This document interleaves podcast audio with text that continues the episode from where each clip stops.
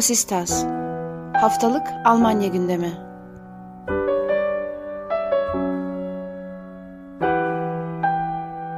Herkese merhaba. Vasistas'ın yeni bölümüne, dördüncü bölümüne hoş geldiniz. Ben Akın Art, Ali Sözen ve Ayşegül Ilgın'la birlikte bu hafta da sizler için Almanya'nın gündemini özetleyeceğiz. Arkasından da geçen haftanın en çok öne çıkan gündem maddesini hep beraber değerlendirmeye çalışacağız. Öncelikle ben sözü daha önceki haftalarda olduğu gibi bültenimizi sunmak için Ayşegül'e bırakayım. Yeni hükümet kuruluyor.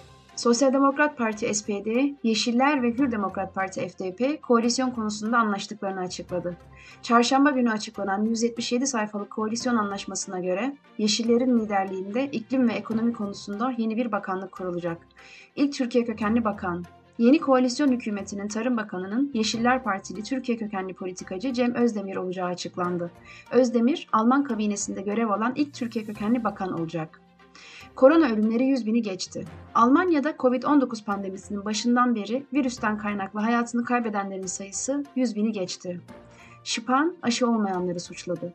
Sağlık Bakanı Jens Spahn hala aşı olmayanları sert sözlerle eleştirdi. Rheinische Post'a konuşan Spahn, hala virüsün kendilerine zarar vermeyeceğini düşünen kişiler var. Anlamaları için daha ne olması gerekiyor, dedi.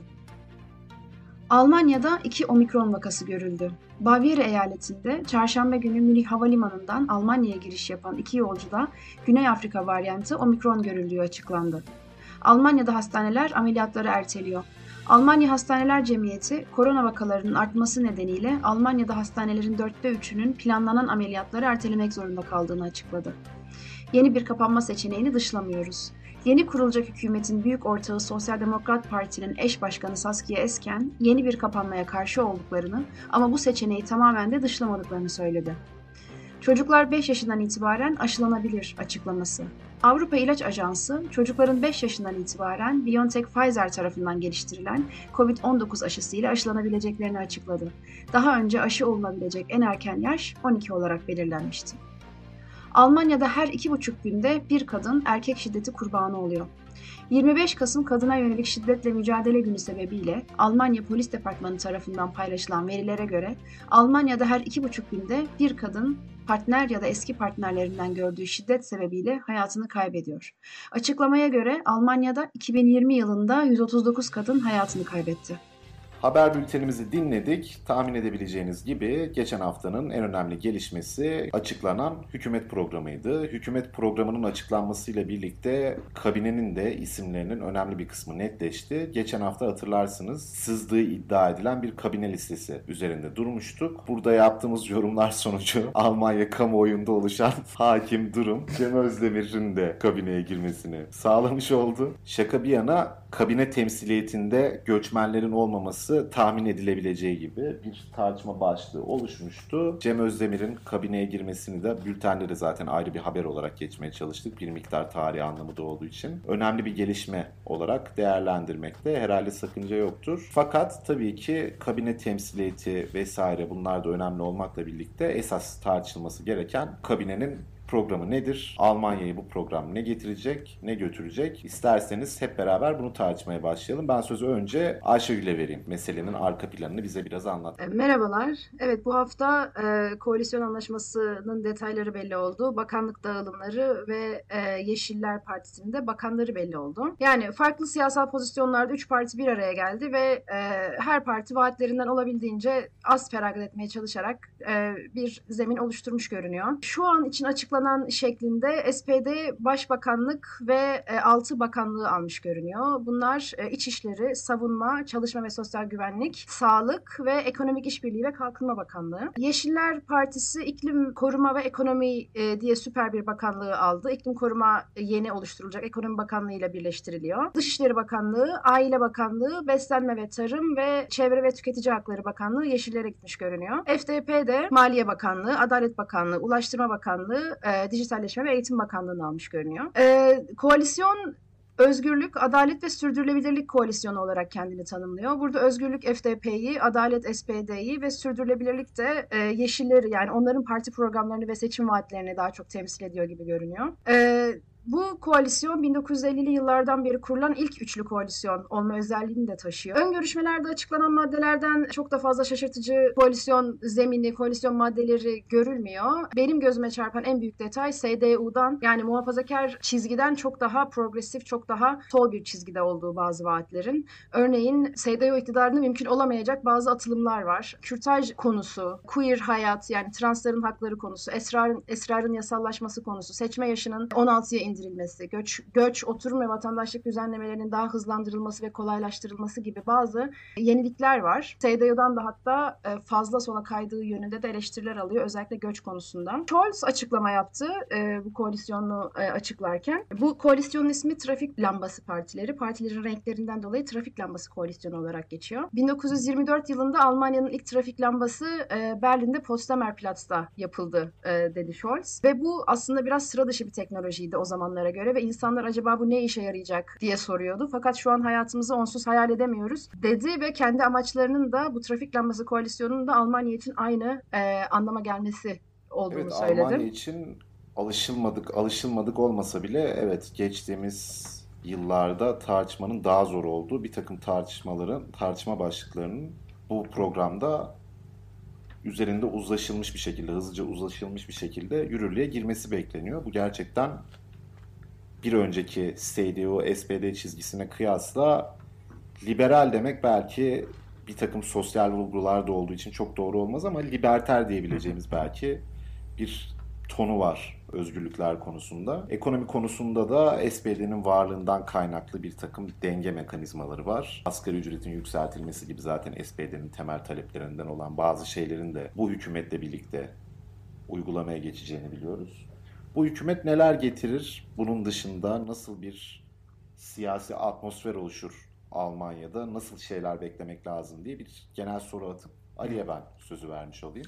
Ya ilk programda biraz daha ilk başta e, taslak metin üzerinde anlaştıkları taslak metin üzerine bir, biraz konuşmuştuk. Esasında bugünkü e, koalisyon sözleşmesi de o taslak metinin biraz daha genişletilmiş hali. Yani 12 sayfadan e, sanıyorum 100 küsur sayfaya çıkartılmış hali. Biraz daha evet. e, hedeflerin görece somutlaştırılmış hali. Tabi bu koalisyon sözleşmesi diyoruz ama bu tabii ki bir e, bildiğimiz anlamda bir özel hukuk sözleşmesi değil. Nihayetinde sadece ortak bir niyet beyanı yani bu sözleşmeye riayet etmezlerse partiler imzaladıkları sözleşmeye başlarına e, yasa olarak bir şey gelmeyecek ancak seçmenler tarafından cezalandırılabilecekler. Bu daha önce e, bu koalisyon sözleşmesi de iki dönem önce e, büyük koalisyon kurulurken ilk defa e, hayat e, Alman Alman siyasal hayatına girmiş bir konuydu. Bunun üzerine uzlaştı partiler şu anda. Ve dediğim gibi aslında ülkenin nereye gideceği ilk programda konuştuğumuz gibi biraz daha bir atılım olacağını öngörüyor partiler. Hızlı hareket edeceklerini öngörüyorlar. Bir takım toplumsal olarak muhafazakar alana dan daha çok uzaklaşarak toplumsal olarak daha ilerlemeci bir alanda kendilerini kodlamaya çalışıyorlar. Bunların tabii gerçek hayattaki karşılıklarını ya da diyelim ki ne kadar hızlı olacağını bilmiyoruz. Göreceğiz önümüzdeki dönemlerde. Ama onun yanında şu anda hala e, kesinleşmeyen, temel olarak da e, büyük bir e, soru işareti barındıran kimin hangi bakanlığa geleceği konusu var. E, Ayşegül bahsetti hangi partilerin hangi bakanlıkları aldığını. Ama partiler içerisinde henüz e, kimin hangi bakanlığa geleceği kesinleşmiş değil. En azından Yeşiller Partisi'nde bir bir listenin olduğunu biliyoruz. Bu biraz görece kesinleşti sanıyorum.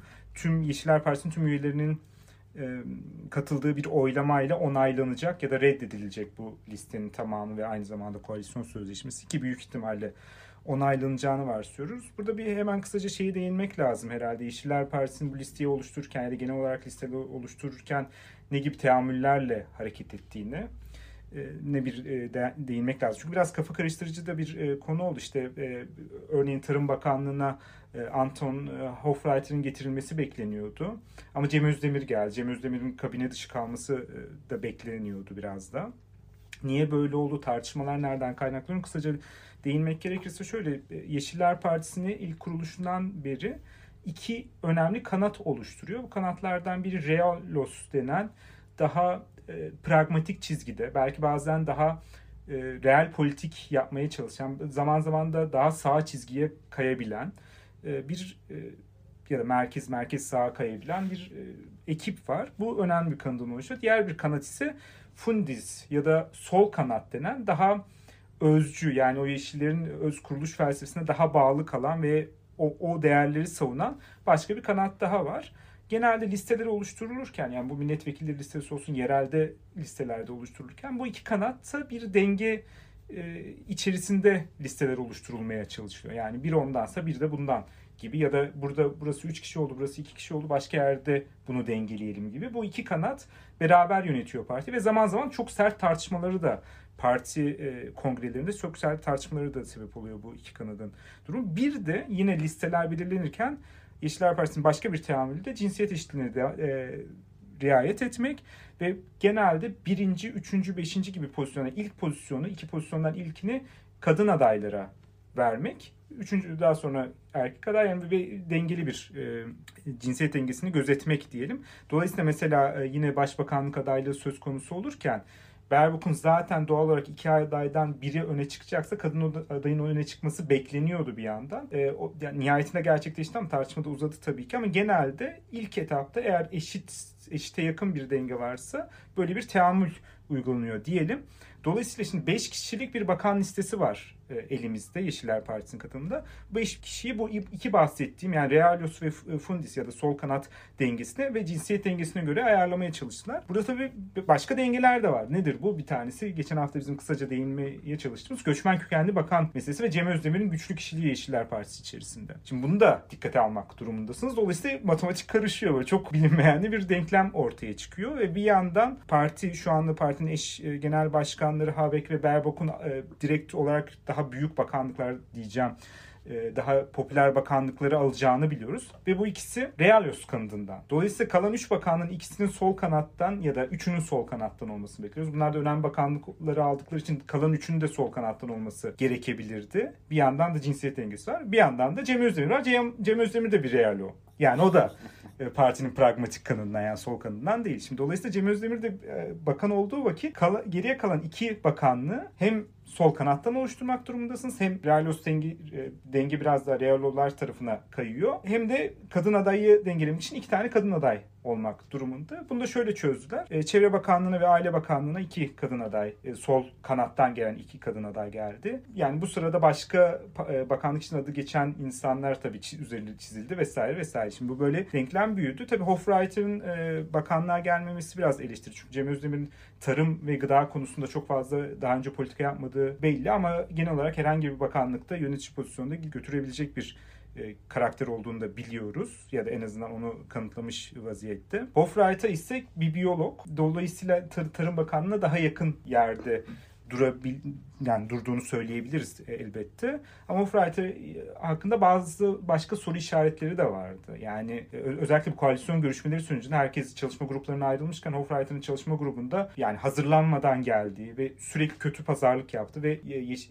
Yeşillerin o koalisyon görüşmelerinin istesin, istediğini alamamasına, o çalışma grubunda istediğini alamamasına sebep olduğu gibi eleştiriler de vardı. Bir yandan Hofreiter'ı belki zamanında dinleyicilerimiz de şeyden hatırlayabilir. Müstakil evlerin yasaklanmasını gündeme getirmişti. Yani bir daha bundan sonra e, müstakil ev yapılmamasını, buna izin verilmemesini gündeme getirmişti. Böyle çok tartışılan bir figür. Dolayısıyla biraz çok da herkesin kabul edeceği bir figür değil. Bir yandan Cem Özdemir'in bahsettiğimiz, geçen hafta değindiğimiz göçmen temsiliyeti meselesinde durduğu önemli yer var. Nihayetinde bu dengelerin hepsini gözeterek bir e, Yeşiller listesi ortaya çıktı. SPD'nin listesi henüz belli değil. FDP'nin de listesi belli. Oradan da zaten beklenmedik bir şey çıkmadı FDP'den de. Bir de Yeşiller'de e, devlet yani kültürden sorumlu devlet bakanı diyebileceğimiz bir e, pozisyona da Claudio Rose geldi. O da Türkiye'den yani insanların belki ismine aşina olduğu da bir politikacı diyelim. Orada devlet bakanı konusunda biz mesela işte e, onu da kısaca değinmekte fayda var sanırım. Cem Özdemir'e ilk Türkiye kökenli bakan derken belki kafalar karışabilir. Çünkü şuradan daha önce iki önceki dönemde Aydan Özoğuz da göçten sorumlu devlet bakanı olarak lanse edilmişti ve ilk Türkiye kökenli bakan olarak lanse edilmişti. Ama buradaki devlet bakanı, şimdi Claudio Roth'un da geldiği devlet bakanlığı pozisyonu aslında devlet sekreterliği gibi nihayetinde Türkiye'de de müsteşarlığa denk gelen bir bakanlığın en yüksek memuru ve burada partili memuriyet gibi bir e, durum söz konusu.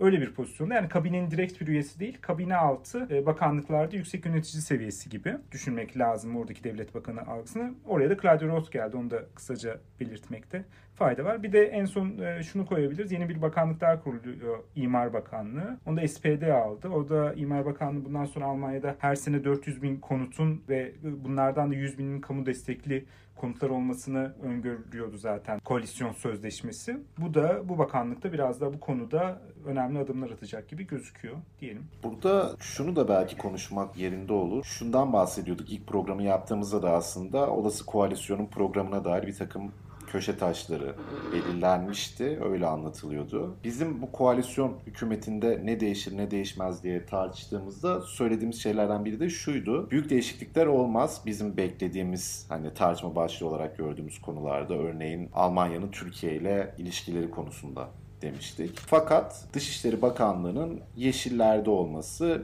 bir tık da olsa yani tabii ki belirleyici olan statikodur. Ama yine de partilerin bulundukları bakanlıklara renklerini vermelerinin de belli noktalarda mümkün olabileceğini belki bekleyebiliriz. İki kritik bakanlık var burada. Maliye Bakanlığı koalisyonda en zıt ucu temsil eden FDP'de aslında yani diğerlerine kıyasla doğrudan liberal olan bir partiden bahsediyoruz. Dışişleri de en az pragmatik olabilecek ve en ideolojik davranabilecek. Gerçi Ali bahsetti Yeşillerin tamamının böyle bir çizgide olmadığından ama yine de en ideolojik parti diyebileceğimiz belki bu dışişleri konusunda. Parti Yeşiller, Yeşiller de dışişlerini almış durumda. Bu dağılımın bir fark yaratmasını bekler misiniz? Bir şeyleri değiştirmesini bekler misiniz mesela?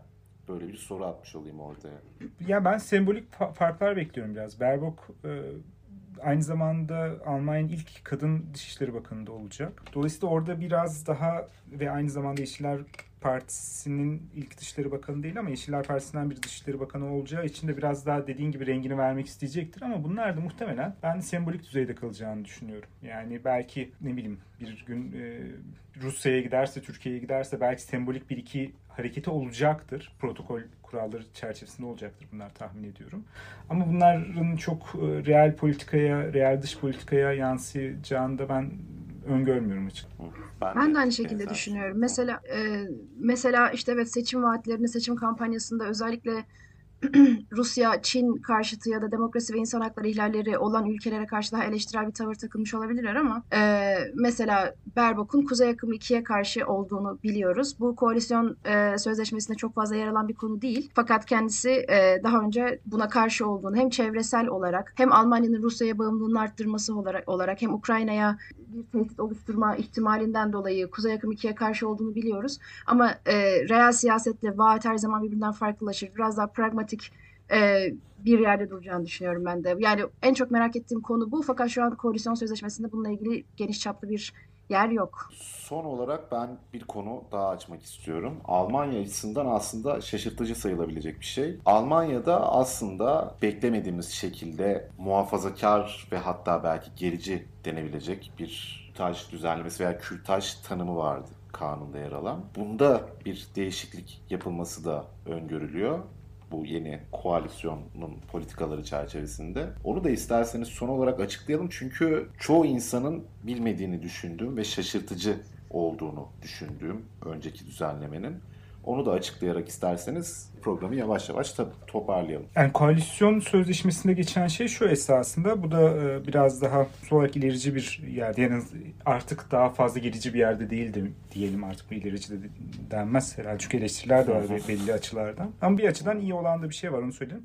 E, Ceza Kanunu 219 A maddesi Almanya'da gebeliğin sonlandırılmasının kamusal yayımını düzenliyor. Yani reklamını ya da bir şekilde gebeliğin bir doktorun gebeliği sonlandırma hizmeti sunduğunu kamusal olarak bir yerde söylemesini ya da yayınlamasının önüne geçen bir yasak var. Hatta bunda e, 3-4 sene önce Christina Hemel diye bir doktor kendi web sitesinde gebelik sonlandırma işlemi de yaptığı işte atıyorum kan testi yapıyoruz onu yapıyoruz. Gebelik sonlandırmada o verilen hizmetlerden tıbbi hizmetlerden bir tanesi olarak yazdığı için e, yargılandı ve çok uzun süren bir e, mahkeme sürecinden sonra da hukuk yolundan sonra da suçlu bulundu. Tabii bu bu madde artık hani çok gerçekten biraz da herhalde bu bugünkü toplumsal anlamda çok geri kafalı insanların ancak destekleyebileceği bir madde diyelim. Çünkü özellikle gebe olan kadınların gebeliği sonlandırmak için bir kurum bulamamalarına sebep olabiliyor.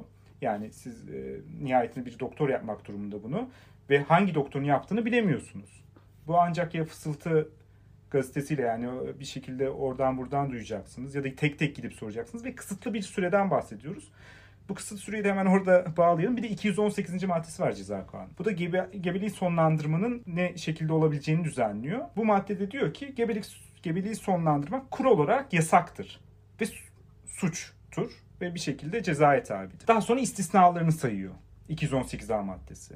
Bu istisnalar içerisinde ilk 12 haftada gebelik sonlandırılabilir. Yalnızca tıbbi danışma belgesiyle kanıtlanırsa bunu yapabiliyorsunuz. Yani tıbbi danış bir yere danışıyorsunuz. Onlar diyor ki bana danıştı ve ben e, ona bu danışma hizmetini sundum ve gebeliği sonlandırabileceğine dair bir e, nasıl diyeyim bir kanıt alıyorsunuz. Ancak öyle sonlandırabiliyorsunuz. Ya da bir tıbbi indikasyon olması gerekiyor. Bu zaten e, kendiliğinden anlaşılır bir durum. Ya da bir cezai indikasyon olması gerekiyor. Bu da ne demektir? Rıza dışı cinsel ilişki sonucunda e, oluşan gebeliklerde e, yine gebeliğin sonlandırılması söz konusu oluyor. Ama burada da tabii rıza dışı cinsel ilişkiyi kanıtlamak gerekiyor vesaire vesaire. Yani burada kadının rızasından kadının gebeliği sonlandırma talebinden dışarıda bir yere koyduğunuz için durumu bunun zaten güncel ve de çağdaş bir yasa olmadığı belli. Ancak bunun yalnızca 219A maddesi kaldırılacak şimdi. Yani yani bunun reklamın ya da duyurulmasını sağlayan madde. Yani aslında 218. maddeye ceza kanunun dokunulmayacak. Bir yandan tabii olumlu bir adım 219A'nın kaldırması. Çünkü o artık iyice aklına yani almayacağı bir yerde ama 218'in de tekrar düzenlenmesi de ya da modernleştirilmesi de gerekli herhalde. Onu da e, çok fazla kadın hakları e, derneklerinin de itirazları o yönde. Ama onu kısaca belirtelim dediğim gibi yani bu bazen Almanya'da özel kıta Avrupası ülkesi olduğu için daha ileride olması beklenebiliyor düzenlemelerin. Bazen gerçekten çağ dışı kalmış düzenlemeler ortaya çıkabiliyor. Tabii ki bunu beklediğimiz gibi CDU hükümetleri zamanında yanaşmadı bu, bu kanunu düzenlemeye. Ve şimdi de tabii ki oradan bir itiraz geliyor. Kiliselerden ve CDU hükümetinden bu konuda bir e, muhalif açıklamaları geldi. Evet yani CDU hükümetlerinin düzenlemediğini de özel olarak eklemekte bence fayda var. Çünkü Merkel üzerinden hep şeyi konuşuyoruz ya belli açılarda çok progresif olduğu vesaire işte LGBTİ evliliklerini yasallaştırdığı. Yasallaştırdığı şeyler büyük oranda aslında altta oluşan baskı sonucunda yaşa, yasallaştırmak zorunda kaldığı şeyler. Çünkü koalisyon kurmak istediği partilerin tamamı bu evliliklerin onaylanmasını istiyordu vaktinde. Merkel de o yüzden bu yasayı evet demese de bir şekilde CDU'nun itiraz etmediği, aktif pozisyon alamadığı tutuma iterek geçmesini sağlamıştı. Bu yasa örneğin çok uzun yıllardır duruyordu. Şunu belirtmek lazım yani Ali'nin de aslında söylediği gibi kıta Avrupa'sında her türlü hakkın en ileri düzeyde olduğu gibi bir varsayım var. Bunun doğru olduğu yerler de var diğer ülkelere kıyasla ama her zaman böyle ilerlemiyor bu. Bu da o maddelerden bir tanesiydi. En azından göreli olarak revize edildiğini bu koalisyon hükümeti çerçevesinde görüyoruz. Bunu da söyledikten sonra eğer eklemek istediğiniz bir şey yoksa istiyorsanız kapatalım programı. Var mıdır son olarak bir şey söylemek? Ee, ya Bence akın göçmenlik ve bu vatandaşlık hakları ile ilgili öngörülen değişikliklerden de bahsedebiliriz kısaca. Beni de muhtemelen sizi de en çok etkileyen kısım bu olabilir yani bu sözleşmeye dair. Ee, şu an için çifte vatandaşlık yok. Ee, sadece çifte vatandaşlık izni e, AB vatandaşlarına ve İsviçre vatandaşlarına veriliyor Almanya'da. E, dolayısıyla çifte vatandaşlığın gelmesi de en çok Türkiye kökenlileri etkiliyor Almanya'da. E, istatistikleri kontrol ettim. Türkiye kökenlilerin %10'undan daha azı e, çifte vatandaşlığa, çifte vatandaşlığa sahip şu an Almanya'da ve %55'i sadece Türkiye vatandaş, Türk vatandaşlığına sahip. Türk vatandaşlığını kaybetmek istememek e, Alman vatandaşlığa geçmemenin e, ana nedeni olarak veriliyor. E, ve mesela 30 yıldır burada yaşıyoruz ama herhangi bir söz hakkımız yok, seçimlerde oy kullanamıyoruz gibi şikayetler de geliyordu. Dolayısıyla göçmenlerin e, seçimlere, siyasete daha çok dahil e, olacağı da bir süreç olacak bu. Bunun yanı sıra e, oturum izni ve iltica başvurusu e, süreçlerinin de kolaylaşması öngörülüyor. E, örneğin mesela e, iltica başvuru sürecinden döneminden sonra çalışma e, izni yoktu ya da e, bazı oturum izinlerinde, bazı vize prosedürlerinde çalışma izni verilmiyordu. Fakat bu koalisyon sözleşmesine göre bekleme durumunda da e, çalışmanın önünü açılması isteniyor. Aynı zamanda buna biraz da taktiksel bir adım olarak da bakılıyor. Çünkü şu anki koalisyona baktığımızda yani mesela bu çifte vatandaş uygulamasının altında aynı zamanda seçmen yaşının düşürülmesi uygulamasının altında da sanki daha fazla bu koalisyonun seçmenini seçimlere dahil etme e, gibi bir e, plan yatıyor olabilir. Çünkü e, hem gençler hem göçmenler e, CDU'ya ya da AFD'ye değil şu anki koalisyon partilerine oy veriyor. Evet bu kadar. Evet, pragmatik bir tarafı da muhakkak var ama buna herhalde iyi haber demekte bir sorun yok bu yeni düzenlemelere. Başka bir şey eklemek isteyen var mı? Yoksa yavaş yavaş galiba bir tık düşürdük şeyimizi, Evet, biraz daha- program uzunluğu süremizi. Evet. Nazar değdirmeden kapatalım yoksa. 30 dakikanın altında kapatalım ilk defa. O zaman görüşmek üzere, hoşça kalın diyelim. Görüşmek üzere.